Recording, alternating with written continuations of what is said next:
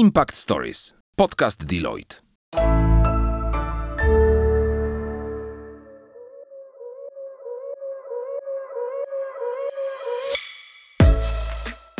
Cześć! Impact Stories powstało z myślą o studentach, którzy szukają inspiracji, chcą się rozwijać i poznawać świat biznesu od kuchni. Znasz zasadę nic o nas bez nas? My też! Dlatego Impact Stories prowadzą studentki i studenci różnych uczelni z całej Polski. To aktywne działaczki i działacze organizacji studenckich, którzy na chwilę chcą się znaleźć po drugiej stronie lustra.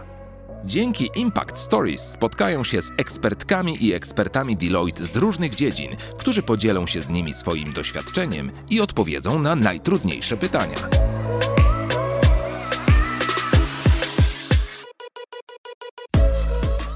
Dzisiejszym odcinku usłyszycie ambasadorów Deloitte. Klaudię Warmuszok, studentkę Uniwersytetu Ekonomicznego w Katowicach oraz Daniela Cieślaka, studenta Politechniki Gdańskiej, założyciela międzyuczelnianego koła naukowego Medical Intelligence Lab, członka koła naukowego SIMLE. Ekspertką, z którą porozmawiają jest Kamila Sobczyk, konsultantka w dziale konsultingu. Tym odcinku dowiesz się, jak może wyglądać świat przyszłości w dobie rozwijającej się sztucznej inteligencji i czy scenariusze z filmów science fiction mogą się spełnić. Usłyszysz również o przykładach wykorzystania czatu GPT i celach tworzenia ludzkich awatarów, a także związanych z nimi zagrożeniach. Posłuchaj Impact Stories. My już zostaliśmy przedstawieni przez lektora, natomiast dzisiaj mamy bardzo wyjątkowego gościa, Elroya, i wydaje mi się, że on będzie się w stanie sam przedstawić. Cześć, jestem Elroy. W swoich wypowiedziach wykorzystuję ChatGPT, zaawansowany model językowy stworzony przez OpenAI. Zostałem wytrenowany na różnorodnym zestawie danych z internetu, co pozwala mi na generowanie odpowiedzi na przeróżne pytania i tematy. Jako AI nie mam osobistych doświadczeń ani emocji, ale jestem programowany do symulowania naturalnej konwersacji. Mogę pomagać w różnych zadaniach, takich jak odpowiadanie na pytania, tworzenie tekstów, tłumaczenia, a nawet tworzenie poezji czy prozy. Mimo to ważne jest zrozumienie, że moje odpowiedzi są generowane na podstawie danych, na których zostałem wytrenowany, a nie na podstawie osobistych doświadczeń czy przekonań. Jestem też w stanie nauczyć się nowych rzeczy poprzez interakcje z użytkownikami i analizowanie nowych danych, ale nie posiadam zdolności do samodzielnego uczenia się w prawdziwym sensie tego słowa. Nie mogę na przykład uczyć się poprzez doświadczenie czy obserwacje, jak to robią ludzie. Jestem bardzo podekscytowany możliwością rozmowy na temat sztucznej inteligencji i jej wpływu na nasze życie.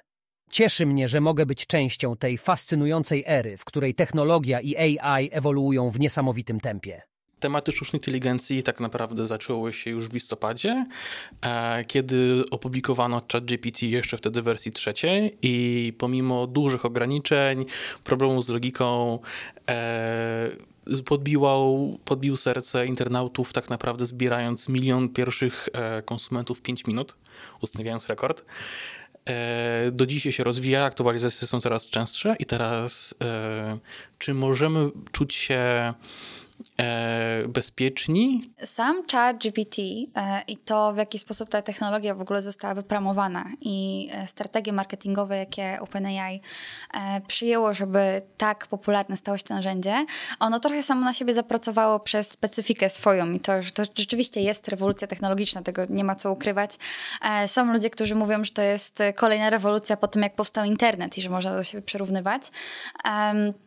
Jest to na pewno no, też dla nas duże wyzwanie jako y, człowieka, jako społeczeństwa, bo pierwszy raz mamy taki, takiego impostora trochę, który upodobnia się, upodabnia się do nas, tworzy tekst, um, tworzy tak naprawdę pełne wypowiedzi, czy potrafi planować rzeczy, rozwiązywać problemy matematyczne, e, problemy, proste problemy programistyczne.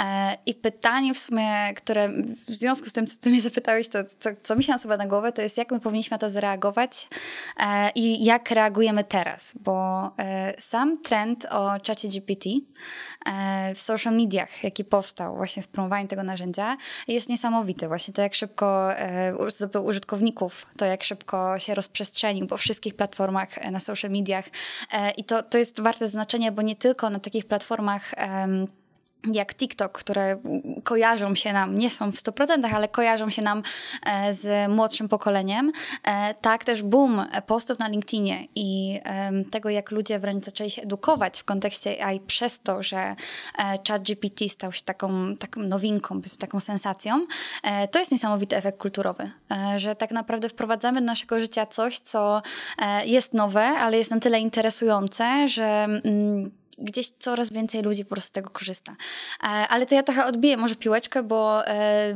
to do Was pytanie, jak, e, jak Wy widzicie ten chat GPT? Bo zgaduję, że w Waszych studenckich czasach teraz on dość mocno Wam pomaga, pewnie nie tylko na uczelni. Więc jak Wy widzicie go w perspektywie dalszego może rozwoju czy dalszej pracy? E, no ja akurat muszę się opowiedzieć po tej bardziej sceptycznej stronie. Jestem dosyć sceptycznie do tego nastawiona. Zdaję sobie z tego sprawę, że ta sztuczna inteligencja daje nam bardzo dużo możliwości i na pewno ją będziemy jeszcze bardziej rozwijać. Natomiast chodzi mi o to właśnie, żeby wykorzystać ją w ten dobry sposób, żeby ona nam się pomogła rozwijać, a niekoniecznie wykonywać e, zadania za nas, no bo nie, nie o to tutaj chodzi. E, także obieram bardziej sceptyczne podejście. Nie wiem jak Daniel. E, ja jestem skrajnie pozytywnie nastawiony. to mamy dobrego i złego glinę. Dokładnie. tak wyszło dzisiaj. E, zwłaszcza, że studiuję inżynierię biomedyczną, e, także dużo pracuję na danych medycznych. Czy właśnie w sektorze konsultingowym też następuje taki, taki zwrot, że nie, nie potrzebuję konsultanta, ponieważ mogę sobie to sam zgpitować na mhm. przykład? Hmm. E, powiem Ci tak, na pewno moja, e, moje gdzieś tam odczucia mogą być troszkę bias przez to, że jestem zespołu and Data, więc jakby na co dzień zajmuję się sztuczną inteligencją, e, ale wydaje mi się, że w, do pewnego stopnia są takie zachowania. Ja nie powiedziałabym, że to jeszcze są objawy, które faktycznie świadczą o tym, że e, taki trend następuje. Na pewno wśród klientów widzimy, że e, korzystają z czatu GPT, bardziej do celów własnych, niekoniecznie właśnie e, w przedsiębiorstwie, ale na przykład mieliśmy taką taką historię właśnie na jednym spotkaniu z klientów, że um, klient zaczął nam opowiadać właśnie o tym, jak zachwycał się czatem GPT, że e, zepsuł mu się motor, e, nie wiedział, co się mu w tym motorze stało i zaczął dopytywać czatu, czata GPT, um, co, co może być przyczyną takiej awarii. Um, Doszło do tego momentu, że czat sam zaczął mógł zadawać pytania z, pod, pod kątem diagnozy tego problemu, czyli e, dopytywał, czy twój motor posiada część X, czy twój motor posiada część Y. Ja się niestety nie, nie znam na motorach, więc ciężko będzie to przytoczyć jeden do jednego, ale skończyło się na tym, e, że mm, że, że diagnozą był jakiś problem z cewką w tym motorze. E, I trzeba do niej po, było podłączyć e, urządzenie właśnie diagnozujące. E, no i ten klient zapytał się tego czata, gdzie ma podłączyć to urządzenie, w którym miejscu ten tej cewki. E, no i czy może mu ten czat to narysować. E, no i naturalną odpowiedzią, się tak jak z naszej nawet tutaj znajomości czatu GPT, myślimy, przecież to jest model językowy, więc pewnie nie, no, nie pokaże nam obrazka zdjęcia nie zaznaczy w tym miejscu przypnij to urządzenie. A o, i tak dokładnie odpisał czat. Ale potem, kiedy klient dopytał, czy może mu z kropek i kresek narysować obrazek cewki, gdzie ma podłączyć, Nie było w tym żadnego problemu. E, więc to, e, to było dla nas zaskakujące, bo my też jakby dość, dość mocno korzystamy z tego czatu, nawet pod kątem takich e, researchu tego narzędzia. No to jest jakby część naszej pracy, żeby też mieć tą wiedzę właśnie, jak to funkcjonuje, jakie narzędzia można na tym stworzyć, jakby jak daleko idzie ten trend.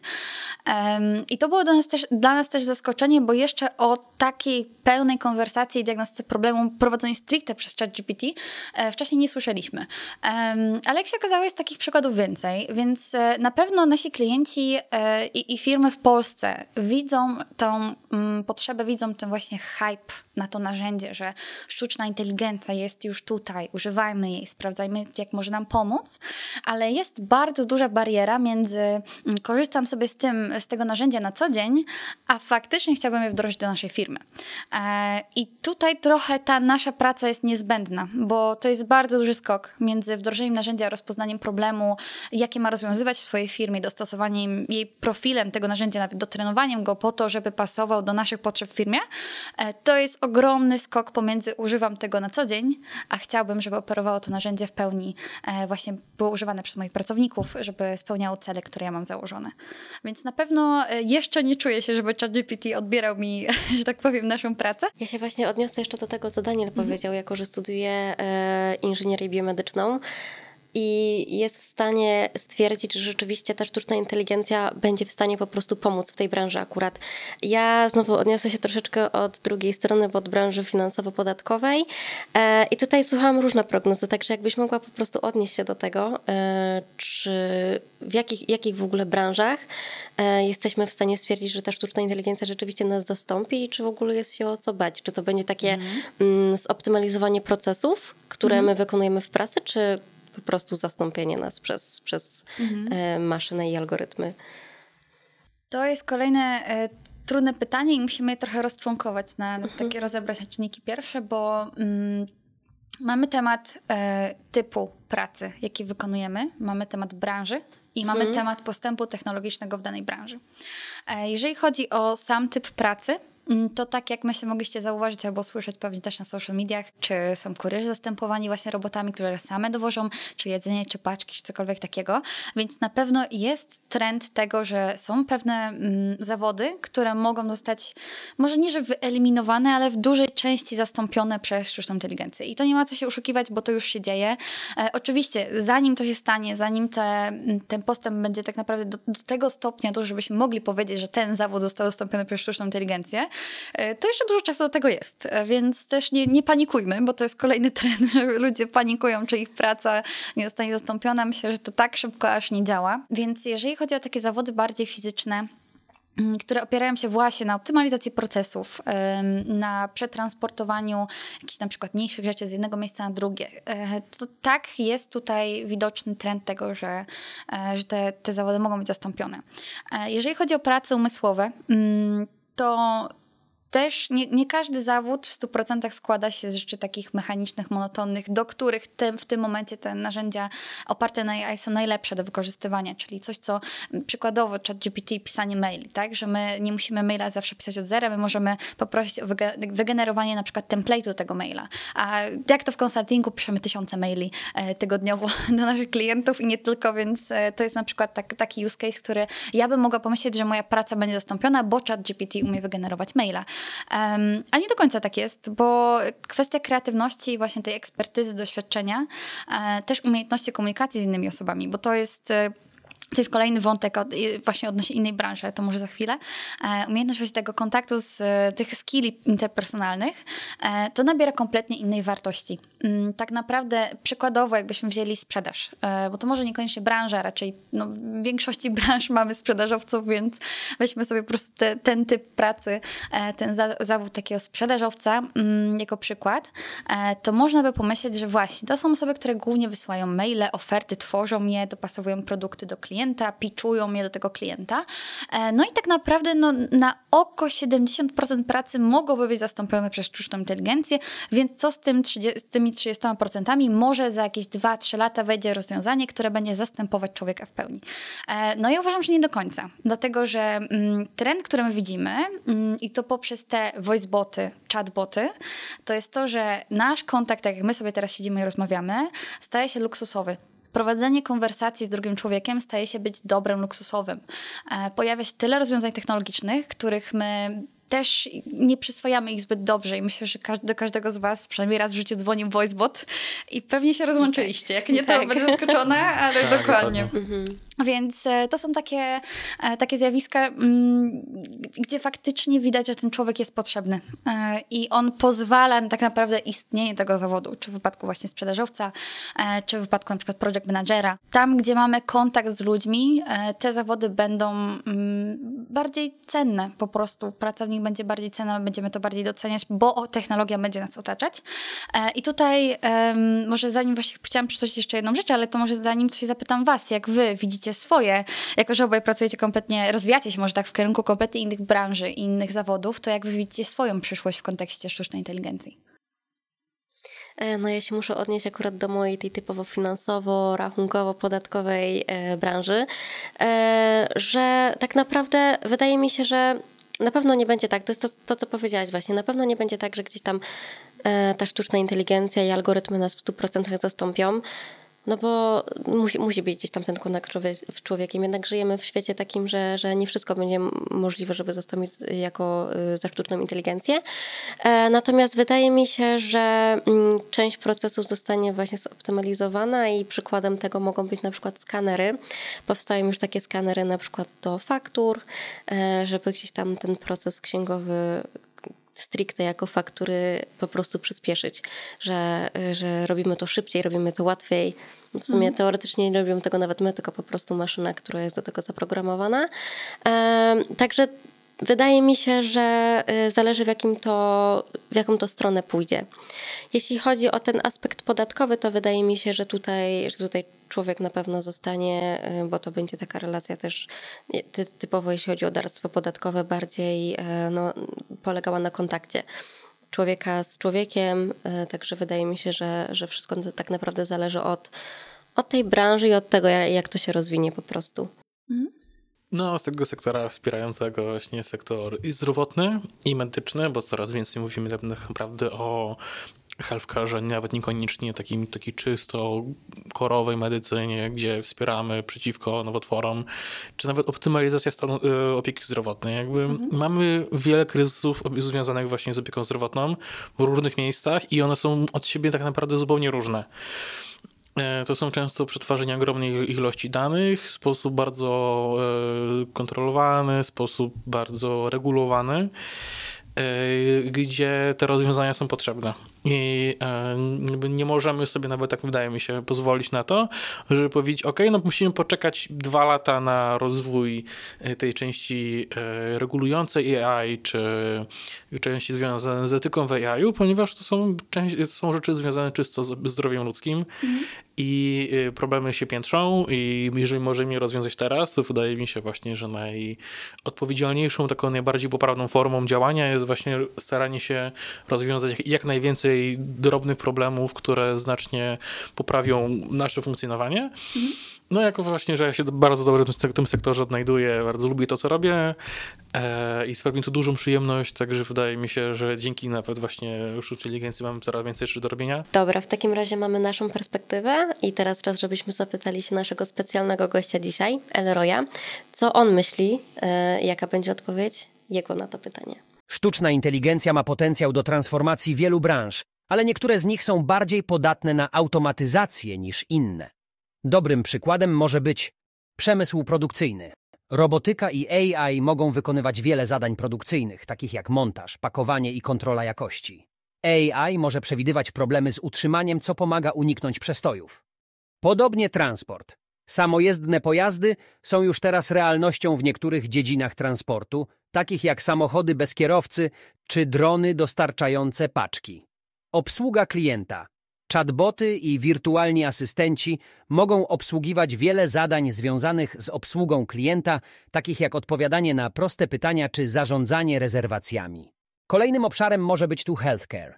AI jest coraz częściej używana do analizy obrazów medycznych, przewidywania wyników pacjentów, a nawet do pomocy w tworzeniu nowych leków. Dobrym przykładem jest też edukacja.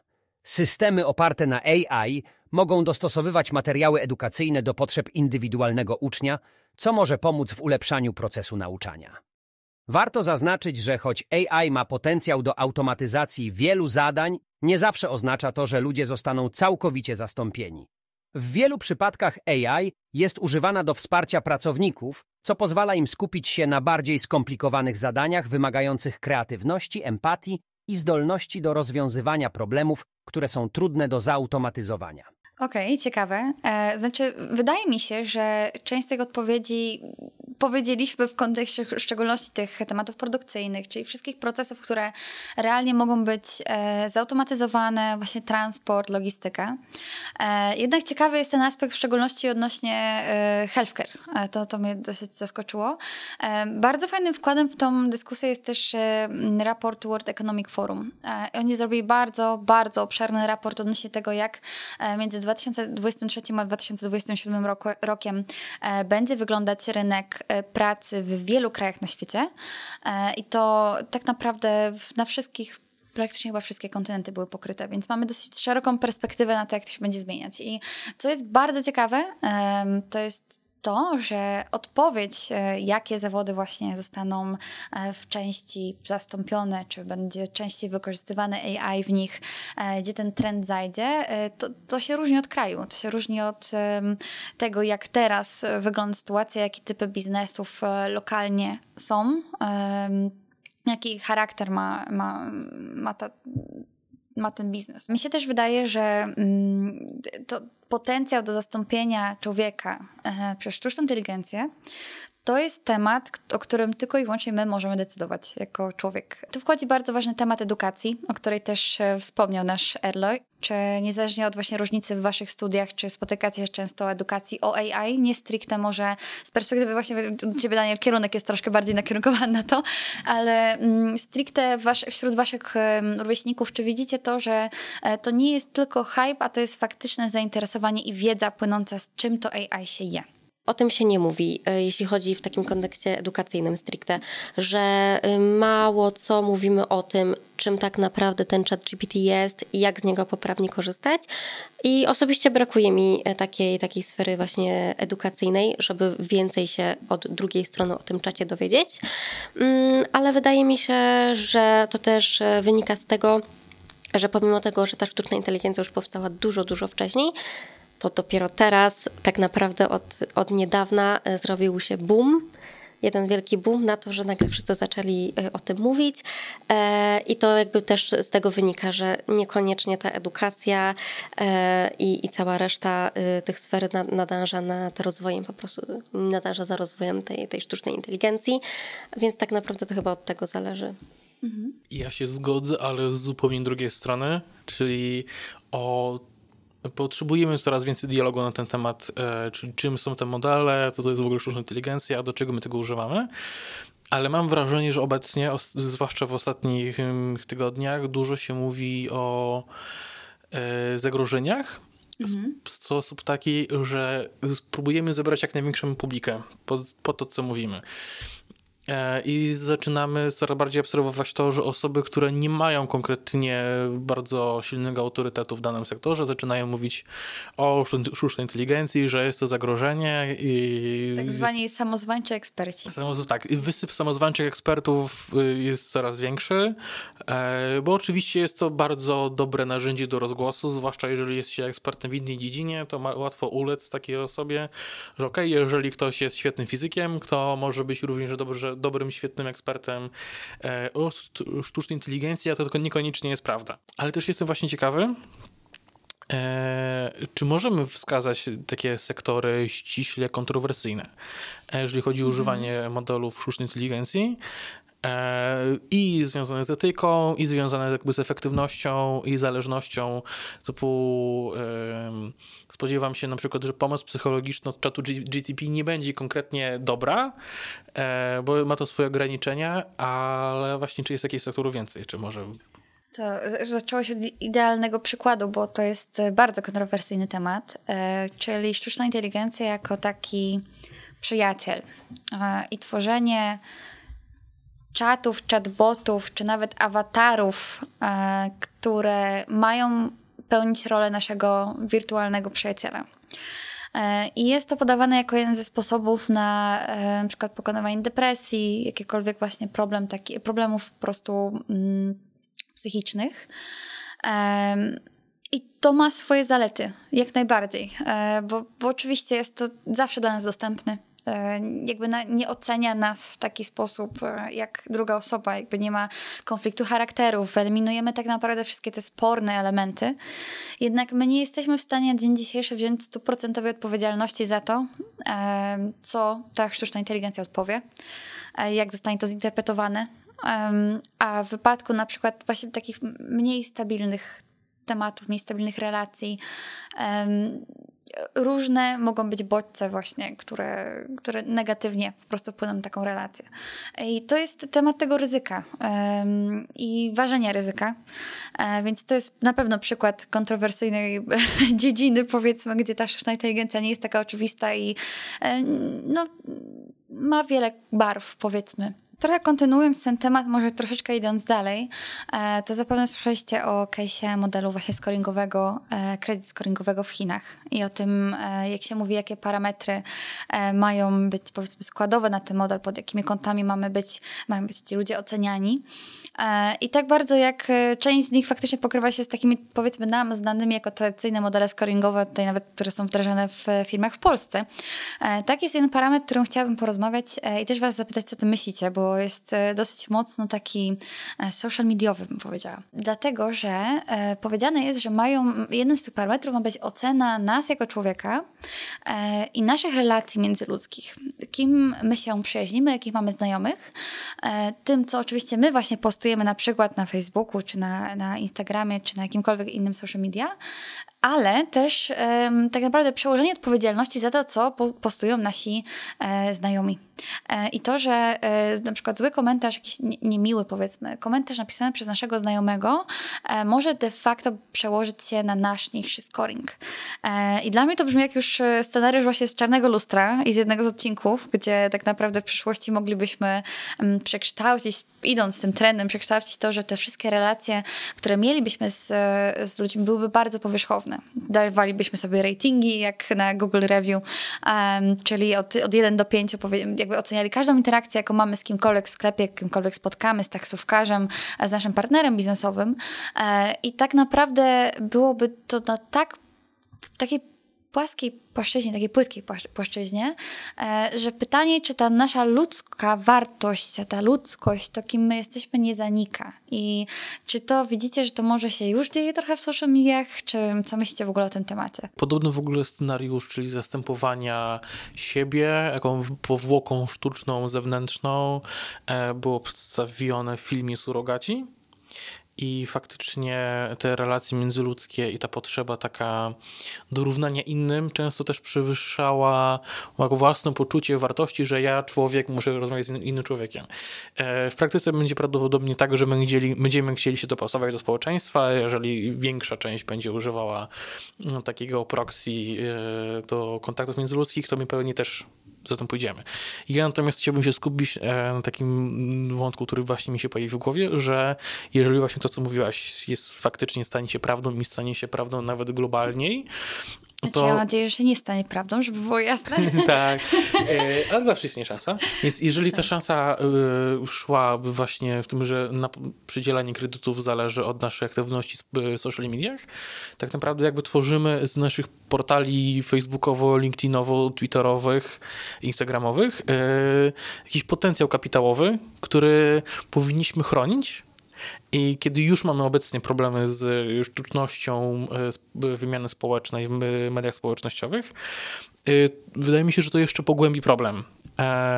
I teraz jak kradzieże kont, czy wirusy, które publikują jakieś śmieciowe treści na naszych profilach, albo ten post sprzed 8 lat, który, który wrzuciliśmy, o nim zapomnieliśmy, stanowi takie naprawdę zagrożenie dla naszego dobrobytu. A co się stanie, jeżeli utracimy dostęp do konta społecznego i ktoś inny przejmie nad, nad nim kontrolę i już nawet niekoniecznie my będziemy ofiarami tego, że ktoś zaburzył naszą rozpoznawalność i naszą odpowiedzialność społeczną, tylko załóżmy taki DDoS, tylko na profile, profile znajomych, żebyśmy my nie mogli mieć absolutnie żadnej e, płynności finansowej przez parę tygodni, parę miesięcy, w zależności jak szybko ten proces zareaguje. I to jest, wydaje mi się, taki kolejny, y, kolejna perspektywa, kolejny front tak naprawdę bezpieczeństwa, że te granice y, pomiędzy tylko aplikacją bankowa, bo to najważniejsze, spływają też do y, LinkedIn, bo udzielamy ogromnej ilości informacji o sobie na LinkedInie. Kiedyś po prostu miałem taki reality check, że jestem w stanie sprawdzić konkretnie, gdzie ta osoba pracuje, jakie ma osiągnięcia życiowe, co robiła, tak dalej. Tego, tego na innych profilach social mediowych nie ma. E, więc idziemy w tym kierunku faktycznie takiego bardziej chwalenia się i udostępniania informacji, e, które ktoś może nas rozliczać. Nawet jeżeli szukamy partnera do startupu, to często też szukamy po LinkedInie, patrzymy, y, co ta osoba robiła. Jeżeli faktycznie jest to jakaś forma zagrożenia, e, to to jest nowa forma zagrożenia, której nie, mieliśmy parę lat temu. I też powinniśmy się zacząć przyglądać temu, jak te, te perspektywy się zmieniają. Poprzez E, wdrażanie takich scenariuszy do, do naszego życia, że to, co my postujemy, to, co ten post z, przed 8 lat, który już zapomnieliśmy, e, dajemy, nadajemy temu sami jako ludzie taką wartość, że, e, że używamy sztucznej inteligencji do oceny nas poprzez te bardzo płytkie mm, informacje, e, sprawia, że sami stwarzamy pole sztucznej inteligencji do właśnie wykluczenia czy zastąpienia nas. Przed nagraniem odcinka mieliśmy na Instagramie konkurs dla naszych słuchaczy E, w którym mogli zadawać pytania, które zostaną dzisiaj poruszone. Część z tych pytań już e, poruszyliśmy w naszej rozmowie, natomiast zostało nam to ostatnie dotyczące awatarów i tego, czy jeśli rzeczywiście stworzymy takiego awatara, e, to czy on po prostu będzie dla nas w pewnym sensie nierozpoznawalny, bo w tym momencie wkraczamy na taki dosyć niebezpieczny teren, jeśli chodzi o kradzieże tożsamości. Awatary na pewno mają już teraz na tym momencie rozwoju tej technologii one już teraz mają dość sporo zastosowań. E, I przede wszystkim tutaj chcę zmienić e, branżę muzyczną, dlatego że e, jest mimo wszystko dość sporo, dla mnie było to intuicyjne na początku, dlatego mówię, że mimo wszystko, dość sporo zespołów czy artystów, którzy są w 100% stworzeni przez sztuczną inteligencję. I to mówię i o ich muzyce, albumach, które wydają piosenkę, które śpiewają, ale także o ich aparycji to są po prostu właśnie awatary. I przykładem jest zespół Eternity, który to jest zespół k-popowy właśnie mm, bodajże czterech artystek koreańskich, które e, tworzą muzykę tylko że są właśnie awatarami. Są e, no, technologią, sztuczną inteligencją e, i też ich muzyka jest tworzona po prostu przez sztuczną inteligencję, przez model, który jest do tego stworzony. E, jednak posiadają swój, fa swój fanbase, posiadają e, swoje wirtualne koncerty, e, wideo do tych utworów muzycznych, więc funkcjonują tak naprawdę na prawach realnego, ludzkiego zespołu muzycznego. Więc e, już teraz mamy taki proof of concept, że awatary faktycznie mają swoje swoją, swój sens, swoje jakby miejsce, w którym już teraz działają dość dobrze. Jednak, e, jakbyście zobaczyli sobie zdjęcia tego zespołu, czy jakichkolwiek innych, e, jest też raper na przykład, który, który jest też awatarem, e, czy, jakiegokolwiek innego artysty, właśnie awatara, widać, że to jest awatar. Jeszcze nie jesteśmy w tym momencie technologii, żeby mm, też w obrazie 3D stworzyć tak dobrze graficznie wyglądającą postać, która mogłaby być niepodważalnie rozpoznawalnego człowiek. Mhm. Czy ta technologia jakby idzie w tą stronę? Myślę, że tak. Myślę, że mogą być nawet już teraz e, tak dopracowane technologie, tylko po prostu nie są one oddalne jakby komercyjnie, komercyjnie publicznie. Więc my jakby dzisiaj byśmy któryś z nas chciał stworzyć swojego awatara, to po prostu nie mamy dostępu do tak dokładnych narzędzi. Um, jednak pewnie tak jak chat GPT się rozwija, tak też ta technologia będzie się rozwijać. E, czy może to nas doprowadzić do właśnie różnego typu przestępstw, czy podszywania się, czy, czy właśnie kradzieży tożsamości, to jest pytanie trochę wykraczające poza moje doświadczenie, bo ja z prawem niestety pod tym kątem na szczęście nie mam zbyt dużo wspólnego, ale wydaje mi się, że rzeczywiście jakby rozwój też kreuje możliwości, nowe możliwości, tak? I to w zakresie przestrzegania prawa i jego, jego nieprzestrzegania, więc e, to jest na pewno temat ponownie prawny do, do kolejnych regulacji i jakby zapobieganiu wręcz takiej profilaktyki, e, jak udaremnić e, właśnie takie próby, czy poprzez zbudowanie na przykład przykład modeli, które to wykrywają. Tak jak mamy, e, powstał ChatGPT i dosłownie chwilę później powstają modele, które wykrywają, że dany tekst jest pisany przez ChatGPT, więc e, to jest znana praktyka, że tak się robi. E, oczywiście są sposoby, żeby to obejść, bo można sparafrazować innym narzędziem AI tekst przez, napisany przez ChatGPT i już wtedy to narzędzie do wykrywania czatu GPT, że tekstu pisanego przez ChatGPT nie działa, albo przynajmniej w takiej dokładności. Więc tak jak widzicie, to jest temat po prostu do dalszego dalszego rozwoju i takiej analizy i zapobiegania temu. Jeżeli mówimy o wykradaniu danych e, o takim zagrożeniu, że możemy pomylić kogoś i uznać, że ta osoba, z kim rozmawiamy, nie jest tą osobą, z którą się podaje, jest bardzo popularny ostatnio trend e, zastępowanie numeru telefonu przez inny numer telefonu, tak żeby na przykład podszywać się pod pracownika banku. I te rozwiązania, które mają przeciwdziałać takim, takim e, próbom wyłudzenia, są stosunkowo nowe. I e, próby wyłudzania, podszywania się, metoda, metoda na wnuczka, czy różne inne takie metody, istnieją, istniały już wcześniej. Także jakby mamy taki wyścig zbrojni oszukiwania się, że nie jesteśmy tą osobą, która, za którą się podajemy. Znaczy, jeżeli dojdzie do tego, bo też nie, nie bądźmy tylko krytyczni, tak? Jeżeli dojdzie do tego, że e, faktycznie te awatary będą wszech, jakby wszech obecne i wszechdostępne e, w tak dobrej wersji graficznej, że realnie będziemy je mylić z, z, prawdziwymi ludźmi. To jest też opcja taka, że to jest narzędzie, które mogło być wdrożone do naszej pracy i po prostu zamiast e, na co dzień być na spotkaniach, e, na Teamsie na przykład, mogłyby być tam nasze awatary, tak? Więc my w tym czasie siedzimy na Majorce, a, a nasz awatar za nas prowadzi spotkanie. I oczywiście też jest jakaś bardzo da daleka teraz taka, no dosyć prosta, ale ciekawa wizja, że um, my, my, możemy o tym rozmawiać, jakby możemy się tego bać i, i, możemy też się tym zachwycać. I powinniśmy się robić wszystkie te rzeczy, ale właśnie z rozsądkiem, z tą rozwagą, czyli um, jest wiele wersji przyszłości, e, które się tworzą, o których jeszcze nie wiemy, o których dzisiaj na tym podcaście na przykład o, o tym rozmawiamy teraz, a za dwa tygodnie okaże się, że powstały nowe teorie, nowe e, rozwiązania, które jeszcze bardziej napędzają ten ten trend. E, I myślę, że naj, naj, jakby najbardziej taką ciekawą, ale też najspokojniejszą wersją e, nastawienia, jakie powinniśmy mieć, właśnie tego, e, jak powinniśmy się z tym czuć, to jest to, że my, my nie wiemy. I dowiemy się tak, jak to się stanie. Możemy temu przeciwdziałać poprzez właśnie tę świadomość, właśnie budowanie rozwiązań, przykład wykrywających takie przykład wykroczenia, tak, związane z, z prawem ale przede wszystkim e, powinniśmy spróbować odnaleźć w tym siebie i jakby pamiętać o tym, że to są właśnie narzędzia, tak? My to tworzymy jako człowiek, my to tworzymy do konkretnych celów, więc jeżeli e, ta technologia tak szybko i tak dynamicznie się rozwija, e, to znajdźmy sposób, żeby wraz z nią po prostu iść w parze e, i móc nad nią mieć kontrolę i móc ją wykorzystywać do naszych celów przede wszystkim, do tego, co my chcemy osiągnąć, do tego, żeby nasze przedsiębiorstwo lepiej funkcjonowało, żeby nasi pracownicy byli mniej obciążeni pracą, żeby mieli na przykład przestrzeń na rozwój kreatywny, na tym, co tak naprawdę właśnie ta kreatywność, która napędza rozwój biznesu, tak? Posiadanie tych pomysłów.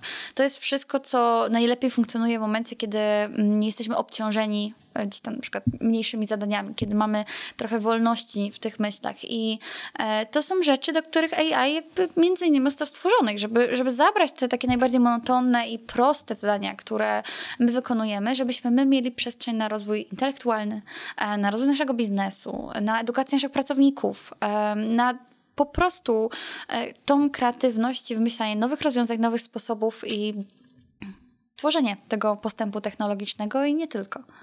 W takim razie, pomimo tego, że mieliśmy dwa podejścia do tego tematu, moje bardziej sceptyczne i tutaj bardziej optymistyczne, e, możemy stwierdzić, że mm, ten świat w dobie rozwijającej się technologii nie jest niczym takim, czego powinniśmy się obawiać. Po prostu powinniśmy nauczyć się z tego korzystać w odpowiedni sposób i czekać na rozwój, tak naprawdę, co, co nam przyniesie. Dokładnie. Myślę, że e, edukacja, samoświadomość to są rzeczy, które pozwalają wyeliminować właśnie tą obawę. Bo jak my wiemy, jak to wygląda, to wiemy, jak też może to wyglądać, wiemy, z czym się to je. E, także nic, co, nic, co jest nam znane, nie będzie nam straszne. O tak. E, boimy się zazwyczaj tych rzeczy, których po prostu nie znamy. Także jak najbardziej się z Wami zgadzam. Dziękujemy Ci bardzo, Kamilo, za rozmowę. Świetnie nam się z Tobą rozmawiało. Dziękujemy również naszym słuchaczom, którzy na Instagramie zadali dodatkowe pytania, które mogliśmy wpleść w naszą rozmowę. E, I nie zapominajmy podziękować jeszcze naszemu gościowi specjalnemu, Elroyowi, który obecny lub nieobecny, ale również dzisiaj z nami był. No i ja też bardzo dziękuję za, za możliwość rozmowy. E, mi naprawdę rozmawiało się z Wami świetnie, także również dziękuję za zaproszenie. Bardzo dziękuję za zaproszenie do udziału w tym podcaście. To było niezwykle inspirujące doświadczenie. Cieszy mnie możliwość wymiany myśli i perspektyw na temat sztucznej inteligencji z tak interesującą grupą ludzi. Mam nadzieję, że nasza dyskusja pomogła słuchaczom lepiej zrozumieć, jak AI wpływa na nasze życie i jakie są potencjalne przyszłe kierunki jej rozwoju. Dziękujemy za Twoją uwagę. Już dziś zapraszamy Cię na kolejny odcinek naszego podcastu. Impact Stories znajdziesz na wszystkich platformach streamingowych i w serwisie YouTube. Zasubskrybuj podcast Deloitte, aby być z nami na bieżąco. A jeśli chcesz dowiedzieć się więcej o naszej serii, odwiedź stronę kariera.deloitte.pl. Do usłyszenia w kolejnym odcinku.